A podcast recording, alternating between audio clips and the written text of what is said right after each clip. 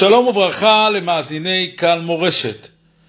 אם ירצה השם, נמשיך היום בסדרת השיעורים בהלכות שבת, הלכה למעשה. בשיעורים הקודמים עסקנו בהלכות קבלת שבת, אה, גדרי בין השמשות, צאת הכוכבים, והיום בעזרת השם נמשיך הלאה ונלמד את סימן רס"ב בשולחן ערוך שעוסק בדיני ההכנות לשבת קודש. בגמרא, במסכת שבת, בדף קי"ט עמוד ב', שם אמרו חז"ל שאדם צריך להכין את ביתו ולערוך את השולחן בערב שבת. השולחן ערוך כאן, בסימן רס"ב, בסעיף א', פוסק על פי הגמרא הזאת שצריך לערוך את השולחן, להציע את המיטות ולתקן את כל ענייני הבית כך שהוא יהיה מוכן וערוך כשיחזור בעל הבית מבית הכנסת בליל שבת. הרמה כותב ומוסיף שיש לכסות את השולחן במפה במשך השבת כולה, אפילו בזמן שלא אוכלים סעודת שבת. המשנה ברורה בסעיף קטן ד' כותב על כך שיש נוהגים לכסות את השולחן בשתי מפות, כדי שהוא יישאר תמיד מכוסה, ואפילו בשעה שמורידים את המפה העליונה, כדי לנער ממנה את הפירורים. בימינו, שרבים משתמשים במפות ניילון, לכאורה די במפה אחת, כי נוטלים את מפת הניילון עם הפסולת והשולחן נשאר תמיד מכוסה.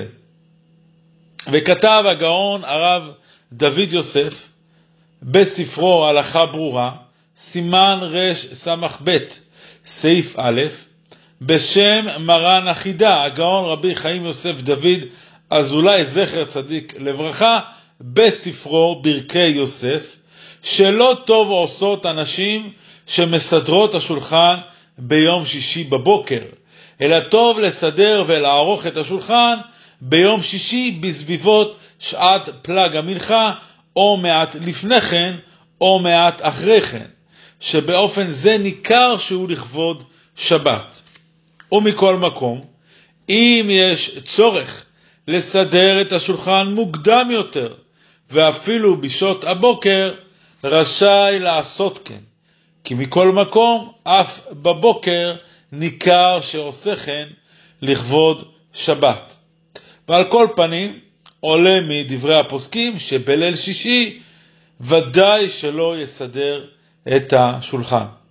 עוד כתב בשם המקובלים, שנכון שהאישה היא שתסדר ותערוך את השולחן, ונכון שהאיש יסייע בידה וישתתף מעט במצווה זו. לגבי הצעת המיטות, כותב ההלכה הברורה, שיש אומרים, דהיינו המיטות שיושבים עליהן, ואם כן בזמננו שיושבים על הכיסאות ולא על המיטות, יסדר ויציע כיסאות נעים לשבת. ויש אומרים שיש להציע אף את המיטה שישנים עליה, ומבואר במשנה ברורה, בסעיף קטן ב', שטוב לעשות כן. נמשיך הלאה. בסעיף ב' פוסק מרן השולחן ערוך על פי הגמרא במסכת שבת, בדף קי"ג עמוד א', שצריך שיהיו בגדים נעים לשבת. כותב על כך המשנה ברורה בסעיף קטן ה', שדין זה נלמד מהפסוק בנבואת ישעיהו פרק נ"ח, פסוק י"ג, וכיבדתו. הפסוק הזה נאמר על שבת הקודש, נאמר על כך שצריך לכבד את יום השבת, ודורשים חז"ל שלא יהא מלבושך של שבת כמלבושך של חול. כלומר, שהלבוש שהאדם לובש בשבת יהיה שונה ומיוחד מהלבוש שהוא לובש ביום חול. ואפילו אדם שנמצא לבד בשבת ולא עומד לפגוש אף יהודי אחר, גם הוא צריך ללבוש בגדי שבת. מכיוון שלא לובשים את הבגדים המיוחדים בשביל אנשים אחרים, אלא לכבוד השבת עצמה. יש לציין שנקודה זו קיבלה משמעות מיוחדת בתקופת הקורונה, שעדיין לצערנו אנחנו אה, מצויים בה, ורבים מאיתנו לא יצאו בזמן כזה או אחר מהבית במשך אה, כל השבת, מחמת חולי או בידוד, ולמרות זאת, על פי ההלכה הנ"ל, היו צריכים להיזהר ולהמשיך ולכבד את השבת וללבוש את הבגדים הראויים לה. וכותב המשנה ברורה בשם האריזל, רבנו יצחק לוריה, זכר צדיק לברכה, שטוב שלא ללבוש בשבת אף פריט לבוש שלובשים אותו בימות החול, ובכלל זה גם החלוק, כלומר הבגד התחתון. וכן, הגר"א, הגאון מווילנה, כמובן במעשה רב עוד קמ"ז, היה נוהג להחליף את כל פריטי הלבוש שלו לכבוד שבת, ובכלל זה הבגדים התחתונים והנעליים. אמנם, הגאון הרב ניסים קרליץ, זכר צדיק לברכה, בספרו חוט שני, בחלק א', פרק ג', הוא טוען שיש שלוש קטגוריות של בגדים, ובכל אחת מהן הדין שונה.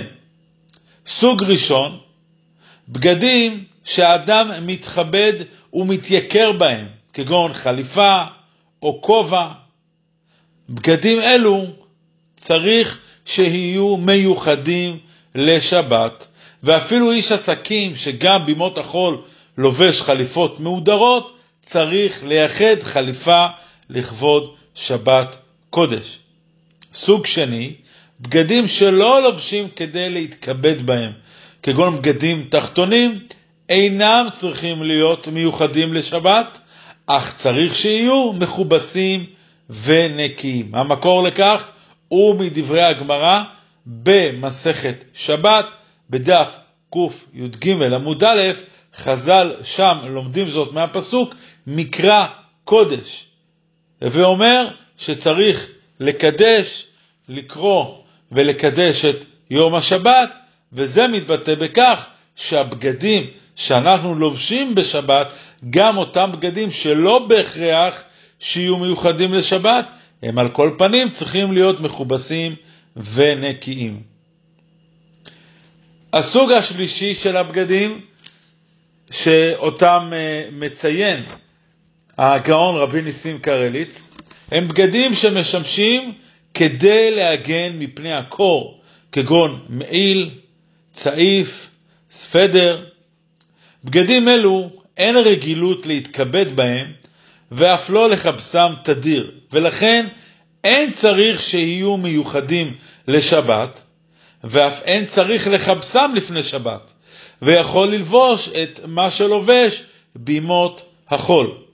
אמנם, אדם שלובש מעיל או צעיף כדי להתכבד בו, יהיה צריך לקנות עוד אחד לכבוד שבת קודש, היות והוא לובש אותו לשם כבוד.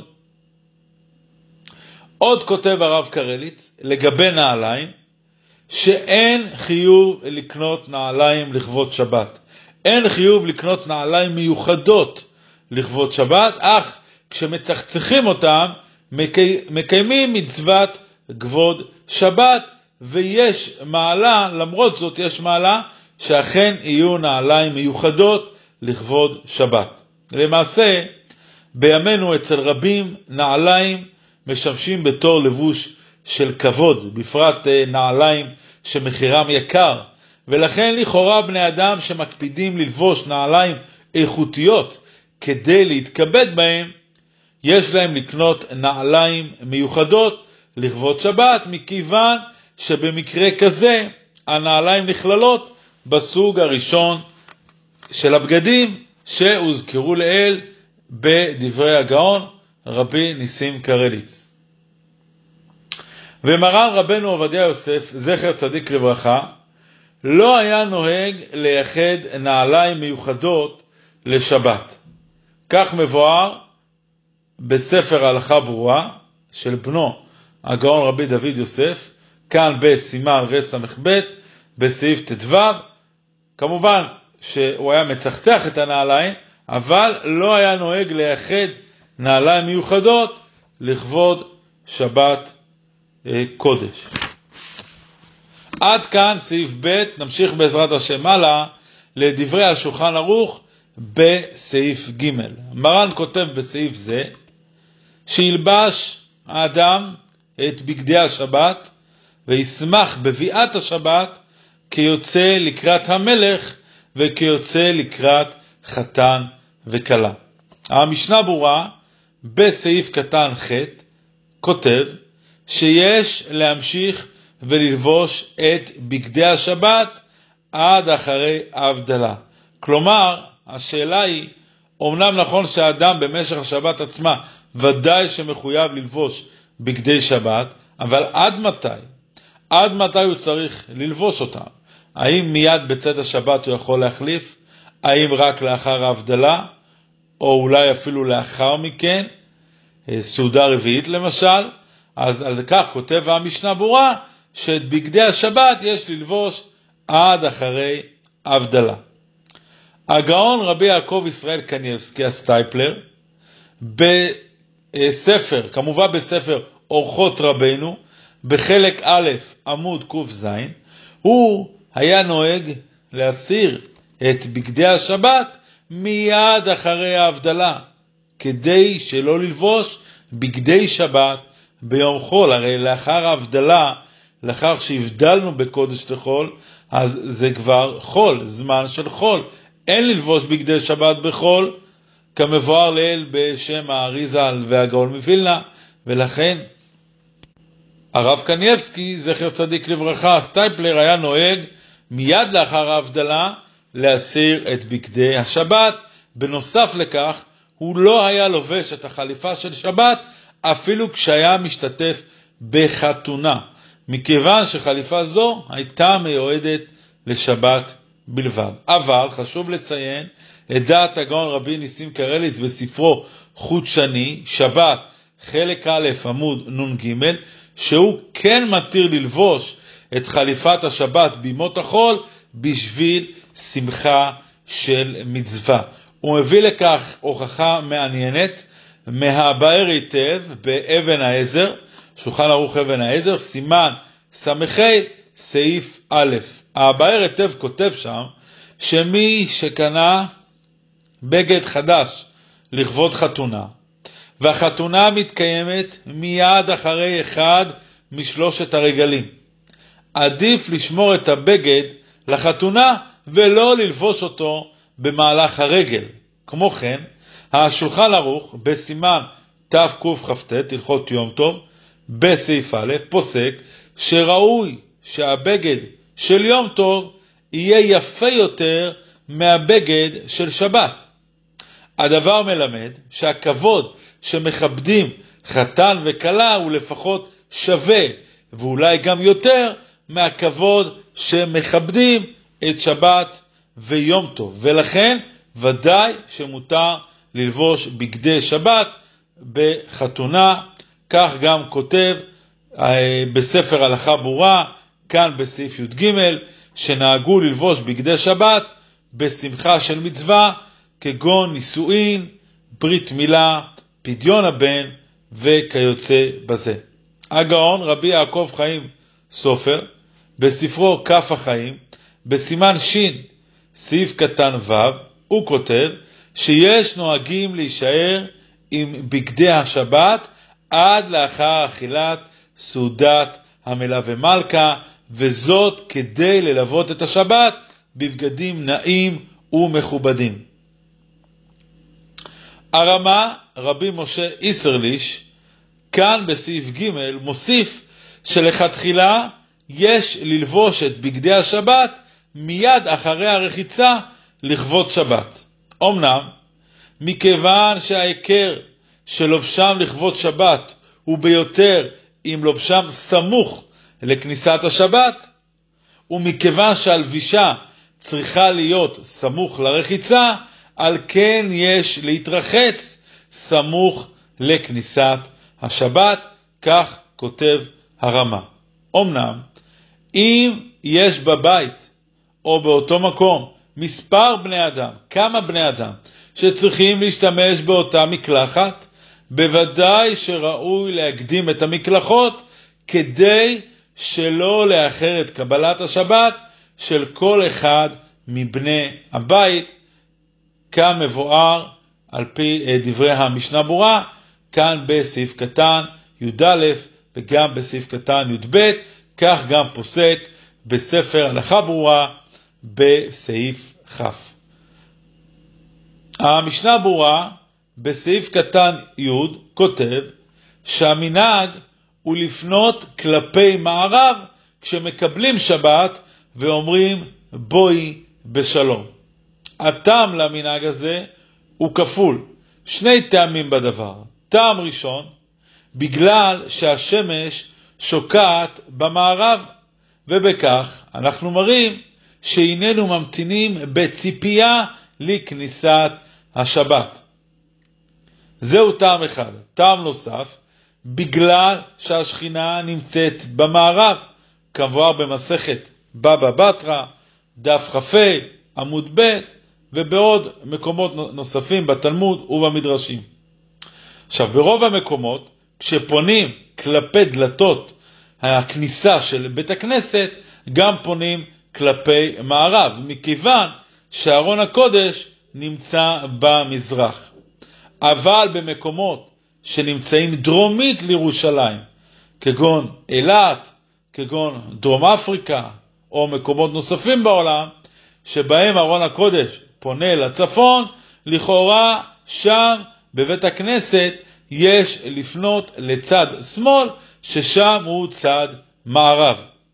ובמקומות שנמצאים ממזרח לירושלים, כגון מעלה אדומים, או סין, או מקומות אחרים בעולם שנמצאים ממזרח לירושלים, וארון הקודש פונה לצד מערב, פשוט ששם צריך להישאר עם הפנים קדימה.